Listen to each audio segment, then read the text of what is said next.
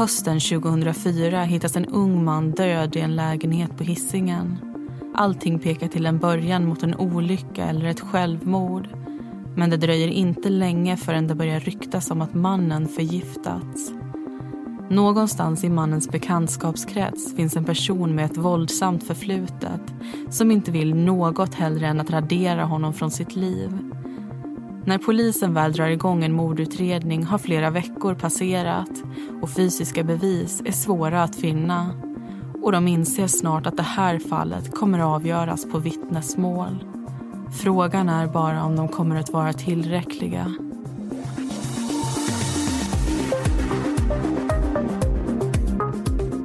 Du lyssnar på Mordpodden och i säsong 5 tar vi upp fall från Göteborgstrakten.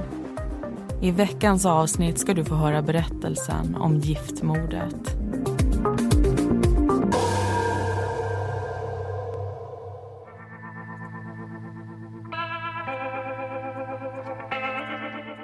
Fredagen den 26 november 2004, runt klockan nio på morgonen kommer det in ett samtal till SOS Alarm.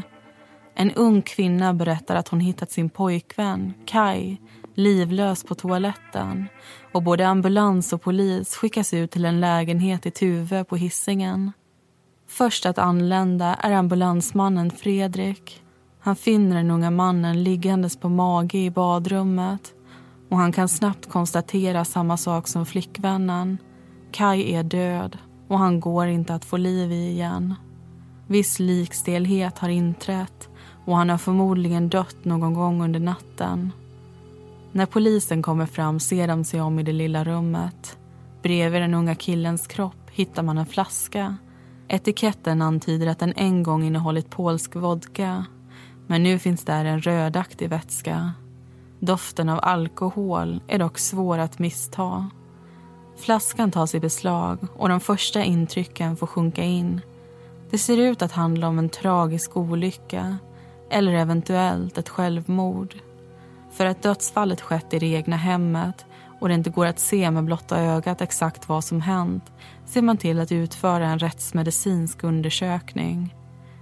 Kai har varken inre eller yttre skador och man kan inte med säkerhet fastställa vad som orsakat hans död. Teorierna fortsätter därför att svaja mellan olycka och självmord. Någon misstanke om brott finns inte. Den 22-åriga Kai hade vuxit upp tillsammans med sin mamma på hissingen i Göteborg. Där hade han gått i skola, skaffat vänner och hittat ett jobb efter gymnasiet inom fordonsindustrin. Han jobbade regelbundet nattskift och trivdes med tillvaron. Även om planen var att läsa upp sina betyg och studera vidare till sjukgymnast så småningom. För tre år sedan hade han träffat sin nuvarande flickvän Evelina och även om de inte bodde ihop tillbringade de mycket av sin lediga tid tillsammans. Den två år yngre flickvännen var bosatt i en Göteborgsförort och arbetade både som personlig assistent och som säljare. Hon var en social och trevlig tjej som redan från början blev väl omtyckt av Kajs nära och kära. Men den 26 november tog allting slut när Evelina hittade Kaj död. Tre veckor senare begravs Kai, omgiven av familj och vänner. Hans mamma, pappa och syster tvingas ta farväl och 22 år tycks vara alldeles för kort tid. Samtidigt snurrar frågorna i fleras huvud. Att Kai skulle ha tagit livet av sig är inte ens en möjlighet om man frågar hans nära och kära. Och strax efter begravningen viskas det om en annan teori i Kajs och Evelinas vänskapskrets pratas det istället om ett mord. Man säger att Kai har fått i sig en överdos av GHB och att någon gett den till honom utan att han vetat om det. Snart når också ryktet Kais syster Lisa som i sin tur tar kontakt med polisen för att se om det finns någon sanning i det som sägs. Frågorna måste ta slut och ersättas av svar. Kajs blod och urinprover har redan skickats på analys men man beställer nu en utvidgad sådan. Och när resultatet av den anländer kan systerns misstankar bekräftas. Kai har fått i sig en dödlig dos butandiol som i kroppen omvandlats till GHB. I den beslagtagna flaskan man hittat intill hans kropp finner man samma kemiska substans, där utblandat med vodka. Men det är inte tillräckligt i sig självt för att man ska påbörja en mordutredning. Istället hör man sig för med Kais anhöriga. Hade Kai varit deprimerad? Hade han hållit på med droger förut? Och hade någonting hänt den senaste tiden som kunnat utlösa det hela? De får svar på sina frågor men inga av dem stödjer teorin om att Kai skulle ha tagit preparatet medvetet. Och när det sedan visar sig att någon tagit ut pengar från Kais konto samma dag som han funnit stöd är misstankarna plötsligt tillräckliga. Polisen drar igång en mordutredning. Arbetet med att samla in bevis och vittnesmål påbörjas direkt. Men tyvärr har den sena starten redan fått konsekvenser för utredningen. Lägenheten i Tuve, där Kai hittat stöd, är redan städad och i ordning gjord.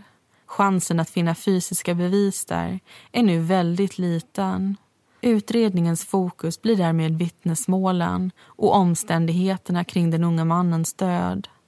De plockar in människorna i Kais närhet till förhör. Dels för att få en tydligare bild av Kais liv och umgängeskrets men också för att leta efter någon med ett motiv för mord. När förhörsledaren pratar med Kais flickvän Evelina kommer en annan bild av Kai fram. Till skillnad från Kais familj så tror Evelina att det faktiskt kan ligga något i teorin om självmord. Kvällen innan Kai dog gjorde hon nämligen slut med honom och han hade tidigare hotat med självmord om hon skulle lämna honom. Informationen förvånar förhörsledaren som lägger fram ett foto där Evelinas hund och Kai ligger tillsammans i en säng. Hunden hade sorgligt nog gått bort bara några veckor innan Kai och förhörsledaren vill nu få fram en reaktion från Evelina. Och en reaktion kommer, men inte en särskilt stark sådan. Och den sorg som går att utläsa är inte riktad mot Kai, utan mot hunden.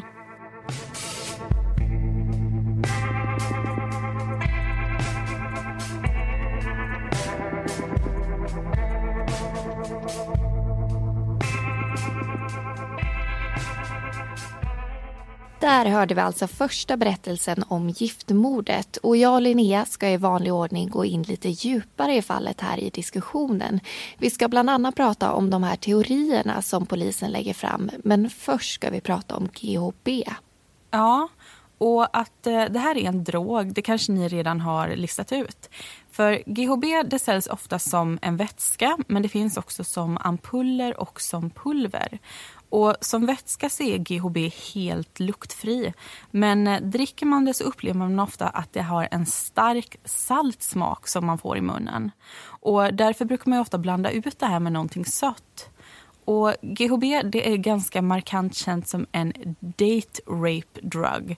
Det vill säga att den ofta läggs eller hälls i någon omedveten persons drink vilket leder till att man blir slö, man får syn och balansrubbningar och blir ganska hjälplös och därefter ofta utnyttjas sexuellt. Och den här drogen stökar ju också till det med minnet vilket gör att det är svårt för de här offren att också senare identifiera sina gärningsmän. Och I berättelsen så nämner vi att Kai har fått i sig butandiol. 1,4 butandiol för att vara exakt. Och Det här är alltså en kemisk substans som är ungefär dubbelt så stark som GHB. Och när man får i sig det här så omvandlas det av kroppens ämnesomsättning till just GHB. Så för enkelhetens skull så kommer vi kalla det GHB i fortsättningen. Och En normaldos av det här brukar vara ungefär 1-2 centiliter. Mm.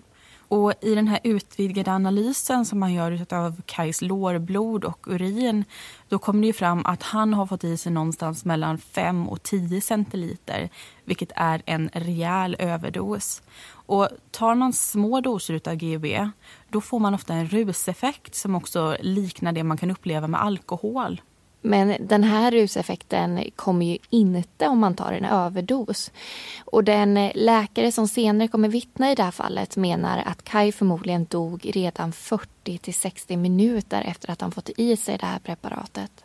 Och Det som händer i kroppen är att man blir sömnig och tappar till slut medvetandet. Man går därefter ner i en djup koma och får problem med andningen vilket till slut leder till att man dör av andningsförlamning. Men både innan och efter man vet att det handlar om GHB så pratar polisen om två teorier när det kommer till Kajs död. Och den ena det är självmord och den andra är en olycka. Och I båda de här teorierna så skulle man kunna ha druckit det här medvetet. Men när man pratar med hans familj så är de väldigt snabba på att intyga att Kai inte var en person som tog droger. Nej. Och jag har sagt det här innan och jag kommer att säga det igen. För trots att det kan röra upp väldigt starka känslor så tycker jag att det är viktigt att polisen faktiskt undersöker självmordsteorin. I Sverige så lägger vi mycket krut och resurser på att klara upp just mord. Och då tycker jag att det är viktigt att först ställa sig frågan om det verkligen är ett mord. Vi vet att psykisk ohälsa blir allt vanligare samtidigt som det här inte är någonting som syns på utsidan. Och I den här domen så går man igenom den här teorin genom att eh, prata om bland annat statistik. Men eh, det jag tycker är så bra uttryckt av en specialist inom ämnet är när han avslutar det här stycket med att säga det går inte att utesluta någon människa från att begå självmord. Nej, och ibland kan ju en människas utsida och insida signalera helt olika saker. tänker jag. Så det är ju inte all, alltid lätt utifrån att upptäcka det här, hur en person mår. Mm. Men eh, nu tycker jag att vi återgår till berättelsen för polisen ska snart göra en upptäckt när de beställer telefonlistorna.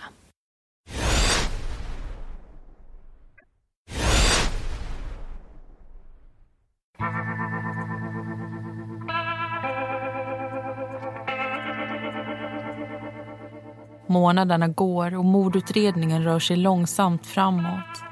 De fysiska bevisen är få och inte tillräckliga för att peka ut någon som gärningsperson. Än mindre för att väcka åtal. Men när telefonlistorna anländer vänder äntligen utredningen. Det visar sig att Kajs flickvän Evelina haft en tät kontakt med en kille som heter Mattias. Det underliga är inte kontakten, men datumen och tiderna. Samma natt som Kai dör finns ett samtal registrerat till Mattias. Och på morgonen innan Evelina ringer 112 ringer hon Mattias ytterligare ett par gånger. Informationen blir livlinan i en utredning som stått still alldeles för länge och Mattias plockas in till förhör. Han berättar att han och Evelina känt varandra i ett par månader och att de träffades tidigare under hösten. De är goda vänner och brukar träffas ungefär varannan dag och pratar ofta i telefon. Han berättar också att han har känslor för Evelina och hon för honom. De har kyssts och kramats, men mer än så har Mattias inte velat göra. Inte så länge Evelina var tillsammans med Kai. Evelina har också berättat för Mattias att Kai kunde vara elak. Flera gånger har hon kommit till honom och sagt att Kai slagit henne. Några blåmärken såg han aldrig, men det gjorde honom inte mindre förbannad. Tanken på att någon gjort Evelina illa fick honom att se rött. Mattias utsaga ger polisen ett möjligt motiv. Men när de pratar med Evelina igen så motsäger hon allt de just fått höra. Enligt henne är Mattias och hon bara vänner. De känner inte ens varandra särskilt väl. Vid något tillfälle har de kramats men det finns ingen romantisk relation mellan de två. Och Kai har aldrig slagit henne. Inte heller har hon ljugit om det inför Mattias. Ord står mot ord, men Mattias är inte färdig med sin berättelse. När polisen frågar om telefonsamtalen mellan honom och Evelina den 26 november så berättar han följande. Den 25 november, dagen före Kajs död, kom Evelina hem till honom på kvällen. Hon hade med sig en svart väska och han kunde se att det där låg två till tre spritflaskor samt en saftflaska med ett rött innehåll. När han frågade henne vad det var i flaskan svarade hon saft. Men sen ändrade hon sig och berättade att den innehöll GHB. Hon hade köpt den tidigare under dagen av en väns vän. Efter ett tag går Evelina ut i köket med flaskorna men Mattias ser inte vad hon gör. Senare lämnar Evelina bostaden och beger sig till Kais lägenhet. Samma natt får Mattias ett samtal från Evelina. Han hör att hon är ledsen och hon berättar vad som hänt. Hon och Kai hade pratat om sitt förhållande under kvällen och tillsammans druckit lite av den sprit hon haft med sig. Men Kai hade också fått i sig GHB. Mattias uppfattade det som att Kai hade fått i sig ungefär tre snapsglas. Och Evelina berättar att han därefter gick in på toaletten för att kräkas. Han hade ropat efter hjälp, men Evelina hade inte kommit. Istället hade hon gått in i sovrummet och lagt sig med en kudde över öronen för att slippa höra Kais vädjande. Efter en stund hade det blivit tyst. Kai hade kvävts och Evelina hade stannat i sovrummet till dagen därpå. På morgonen hade hon ringt till Mattias ytterligare ett par gånger. Hon pratade då om att hon mådde dåligt och att hon var rädd för att bli upptäckt. Efter att Evelina ringt 112 och ambulans och polis varit på plats återvände hon till Mattias bostad. Evelina var märkbart nedstämd och hon berättade ännu en gång för honom hur det hela gått till. När hon var klar plockade hon fram Kajs bankomatkort och tillhörande kod. Tillsammans med Mattias rumskamrat Jimmy gick de tre därefter till Frölunda torg för att ta ut pengar. De gjorde tre uttag vid tre olika platser. Evelina oroade sig för att fastna på en kamera. När de var klara räknade de sedlarna och summan landade på 14 000 kronor. Evelina sa att hon, Mattias, Jimmy och ytterligare en väninna skulle resa någonstans för pengarna och visade upp ett par reseböcker hon tagit med sig. Mattias berättar också att det aldrig blev någon resa och att han bara några dagar senare hotats av Evelina. Om han anmälde Kajs död till polisen skulle hon se till att polska nazister och polsk maffia skulle ta sig ett snack med honom. Slutligen uppger Mattias att han inte förstod att Evelina verkligen tänkte döda Kaj. Inte förrän det var för sent. Men när Evelina berättar för polisen om den 25 och 26 november så är utsagan ännu en gång väldigt skild från Mattias version. Evelina berättar att hon besökte Mattias och Jimmy den kvällen runt klockan åtta. Hon hade då med sig en väska, men den var fylld med träningskläder och inte sprit och GHB. Hon var heller inte ute i köket och blandade de två vätskorna. Istället beskriver hon det som en lugn kväll där de tre vännerna tittade på tv och inte gjorde något särskilt. Efter en dryg timme blev hon upphämtad av pojkvännen Kai och de två åkte och handlade. När de kom hem till Kais bostad var klockan mellan elva och halv tolv på kvällen. De lagade då mat tillsammans, åt och pratade.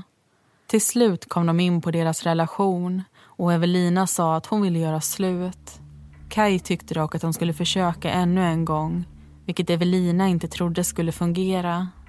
Hon bad Kai att köra hem henne men han bad i sin tur henne att stanna. Hon gav med sig och ringde till sina föräldrar och Mattias. Evelina berättade för Mattias om diskussionen med Kai och när klockan var 02.35 gick hon och la sig. Kai satt då uppe och spelade Xbox.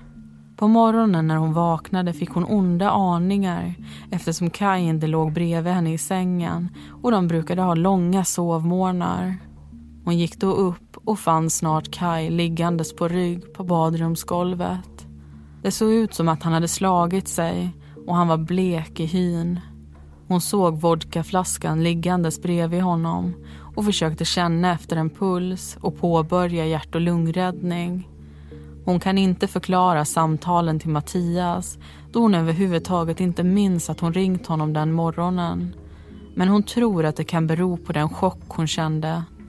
Slutligen uppger hon för polisen att hon inte tagit Kajs bankomatkort och att hon inte heller varit med och gjort några uttag från hans konto. Hon berättar dock att hon har en lapp med hans kod eftersom hon fick låna kortet en gång tidigare. Och under eftermiddagen så befinner hon sig faktiskt på Frölunda torg. Men anledningen är för att handla och för att hon inte längre orkade vara hemma. Hon medger också att hon träffade Mattias den dagen men att de skulle ha räknat pengar och pratat om resor nekar hon fullständigt till. Polisen försöker trassla ut de trådar som vittnesmålen består av samtidigt som pressen gräver i de inblandades bakgrund och i Evelinas förflutna hittar de snart information som får henne att framstå i dålig dager. Det här är nämligen inte första gången som hennes namn förekommer i en brottsutredning. När hon var 15 år dömdes hon nämligen för mordbrand. I december 1998 är Evelinas bästa vän förbannad på sina fosterföräldrar. En känsla som smittar av sig på Evelina och gör att hon kommer på en plan för att hjälpa vännen bli kvitt problemet. Hon säger, men tänd eld på huset, då slipper du ju dem. Och planen sätts snart i verket. De beger sig till fosterföräldrarnas bostad och dränker där in möbler och bomullssträngar i bensin. De har också med sig en köttyxa och en kniv. För att jobbet ska bli ordentligt gjort delar de på sig. Vännens jobb blir att skära halsen av mamman i familjen och Evelinas att slå köttyxan i pappans huvud. Men när stunden är kommen klarar de inte av det intima sättet att mörda och nöjer sig med att tända elden och ge sig därifrån. I huset ligger också vännens nioåriga lillebror och sover. De två beger sig hem till Evelinas bostad där de äter popcorn och dricker läsk. Samtidigt självslocknar elden otroligt nog i fosterföräldrarnas hus och ingen kommer till skada. Polis och åklagare ser dock till att en utredning görs och ett åtal väcks. När domen faller döms Evelina till 16 månaders sluten ungdomsvård. Hon får också träffa en psykolog efter händelsen. En psykolog som anser att hon är psykiskt sjuk då hon förefaller oberörd över det som skett och inte tycks hysa någon som helst ånger över vad som kunde ha hänt. Det enda hon tycks ångra är att hon åkte fast. Bakgrund, vittnesmål och de få fysiska bevis som finns pekar alla mot Evelina som Kajs mördare. Men frågan är om det verkligen är tillräckligt. Och polisen gör nu allt för att gräva fram mer bevis och ställa den skyldiga till svars.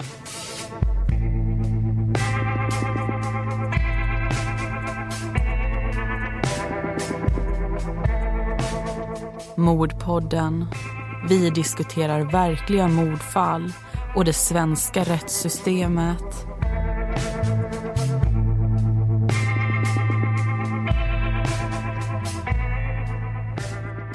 Då var vi tillbaka i studion och den här gången tycker jag att vi ska börja med att prata om ett par händelser som involverar både Kai och Evelina under de år som de är tillsammans.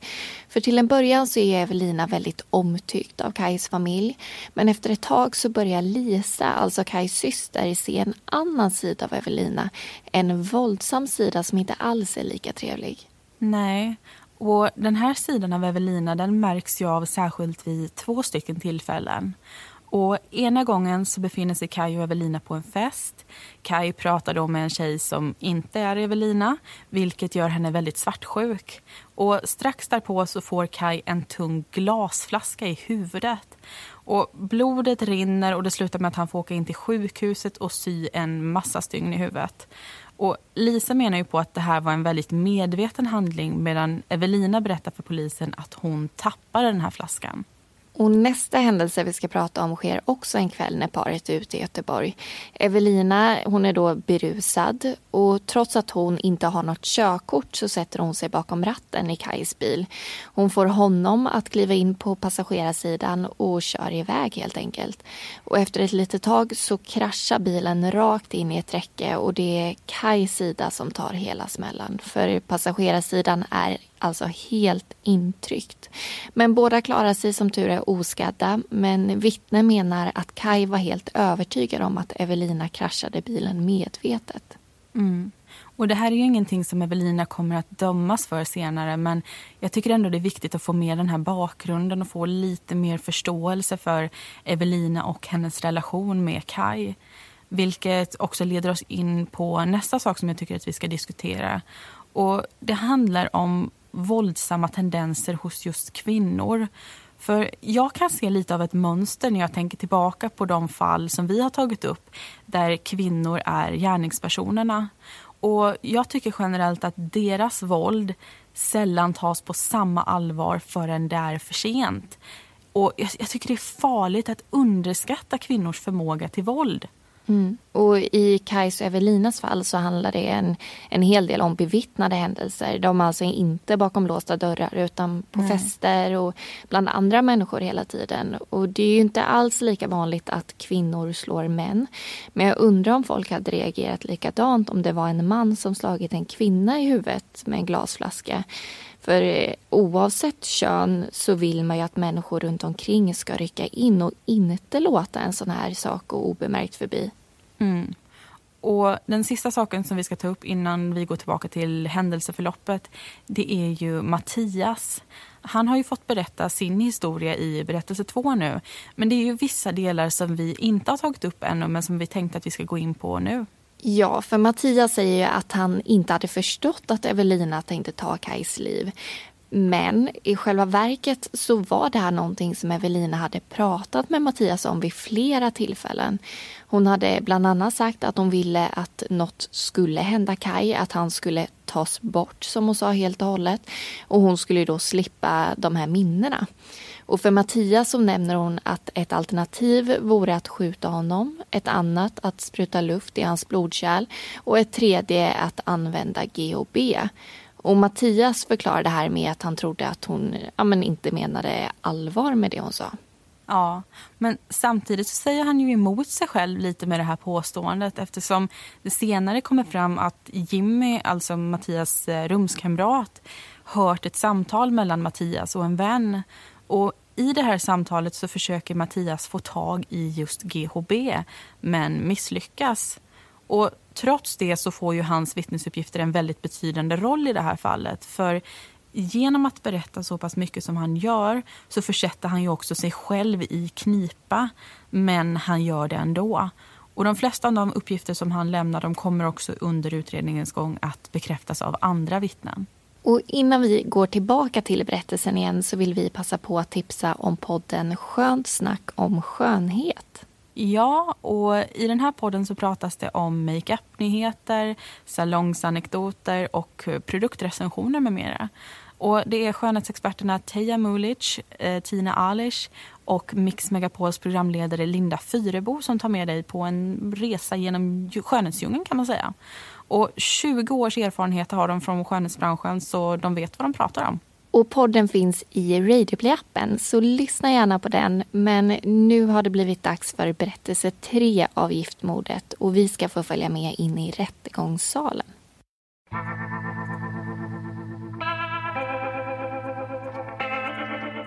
Våren blir till sommar och sommaren till höst. Det gedigna polisarbetet har gett resultat och Evelina, Mattias och Jimmy har nu alla åtalats och väntar på den rättegång som ska reda ut vad som egentligen skett. I september slås dörrarna till rättegångssalen upp och åklagaren får lägga fram de bevis och vittnesmål som nämndemännen sedan får ta ställning till. Mattias berättar om hans och Evelinas relation om flaskan med den rödaktiga vätskan hur Jimmy varit vittne till stora delar av det som skett och sin egna involvering i bedrägeriet med Kajs konto. När det blir dags för rumskamraten Jimmy att vittna får Mattias lämna rättegångssalen. Under sommaren har Jimmy och hans flickvän mottagit flera hot ifrån honom och vid en rad tillfällen har de kontaktat polisen. När Mattias är borta och Jimmy öppnar munnen möts dock samtliga åhörare av ett virvar av information. Jimmy berättar ena stunden att Evelina öppet pratat om att Kai slagit henne och i nästa stund menar han att hon aldrig sagt något om saken. Jimmy berättar också om en middag som Evelina och Mattias planerat och där tanken var att de skulle använda GHB på Kai. Mattias frågar vid tillfället Evelina om hon ville göra det varpå Jimmy först säger att hon svarat att hon vill tänka på saken och i nästa stund sagt att hon var helt säker. Samma sak händer när Jimmy ska berätta vem som skaffat GHB. Först vet han inte och sen säger han att det är Mattias som fixat det. Jimmy berättar också om samtalet som Evelina ringde till Mattias under natten mot den 26 november. På morgonen då Jimmy skulle iväg till jobbet, runt klockan 06.30, hade de två pratats vid igen och Mattias berättar nu för Jimmy att Kai är död. Information som inte ens polisen hade vid tillfället. När det blir dags för en väninna till Evelina att vittna berättar hon om ett tillfälle då Mattias och Jimmy sagt att Kai skulle försvinna.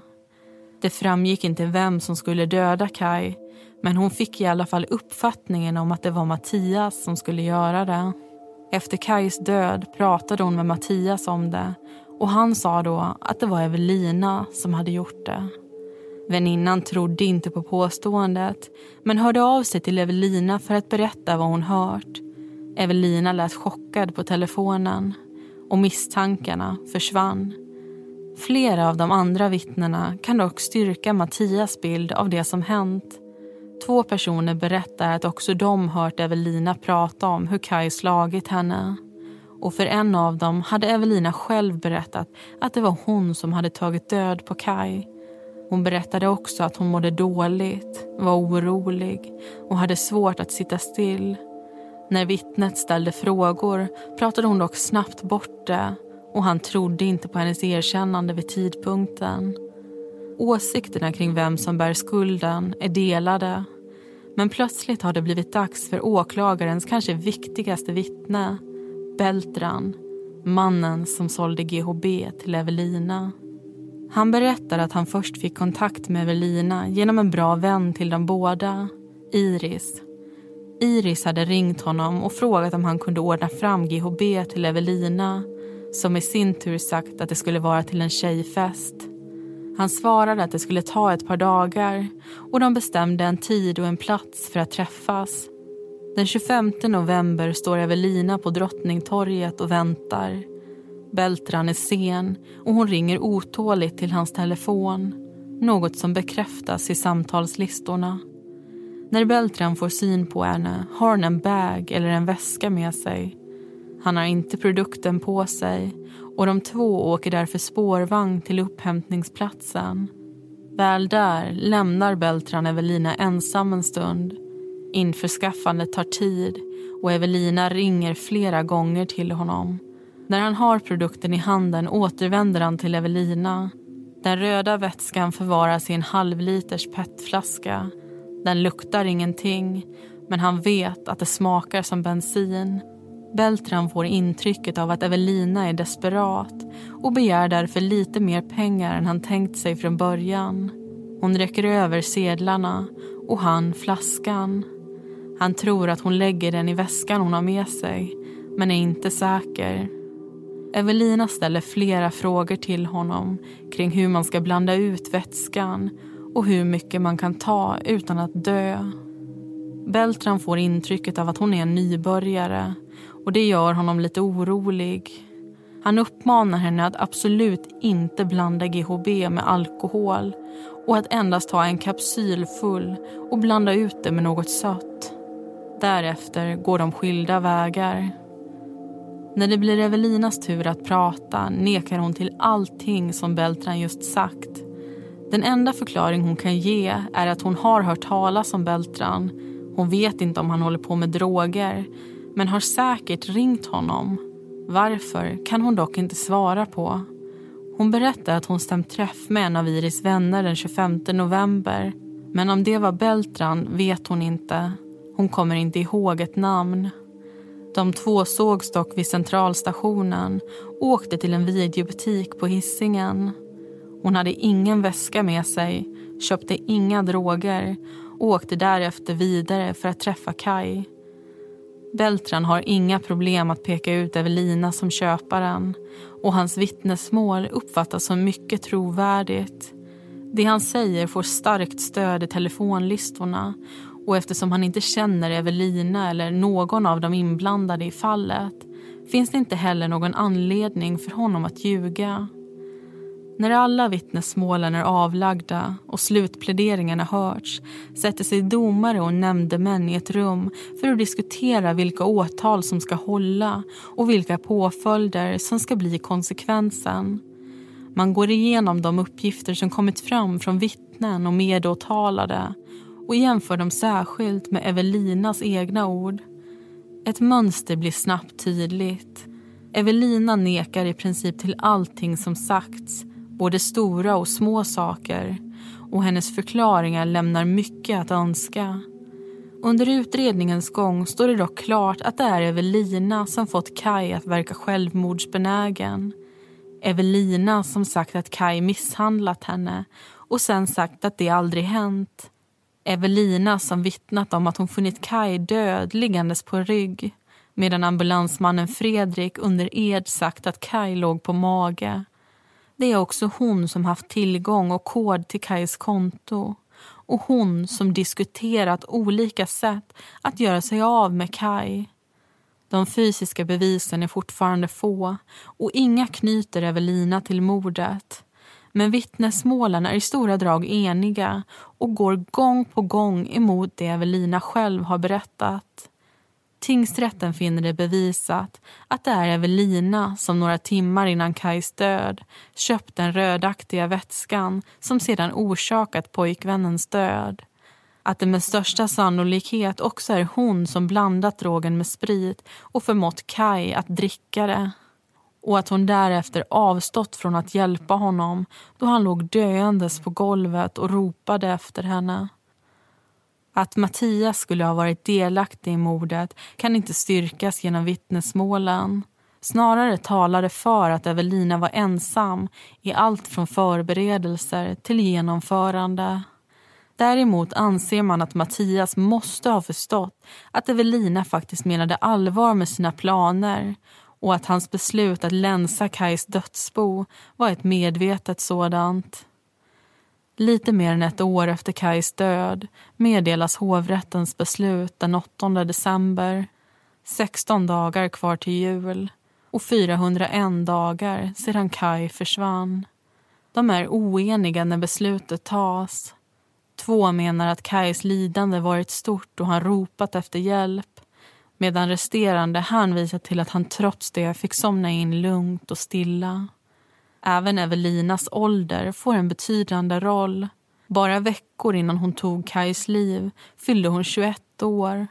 Och även om det betyder att hon nu kan dömas till livstid betyder det inte att det kommer hända. Slutligen slås domen fast. Evelina döms till tio års fängelse för mord. Mattias till två års fängelse för bedrägeri och underlåtenhet att avslöja mord. Samtliga åtal mot Jimmy ogillas. När domen når Kajs och Evelinas familjer är det blandade känslor som råder. På ena sidan finns tårar av glädje för att det äntligen är över och en lättnadssuck för att Kai fått någon typ av rättvisa. På andra sidan chock, oförståelse och förkrossning. I deras ögon är Evelina oskyldig.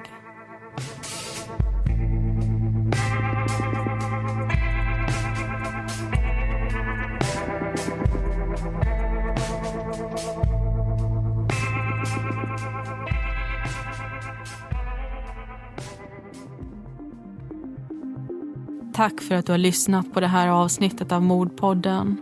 Samtliga personer, förutom Kai, heter egentligen någonting annat och informationen är hämtad ifrån domarna i fallet och artiklar.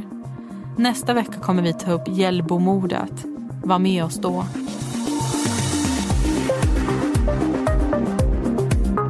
Vi som gör Mordpodden heter Linnea Bolin och Amanda Karlsson.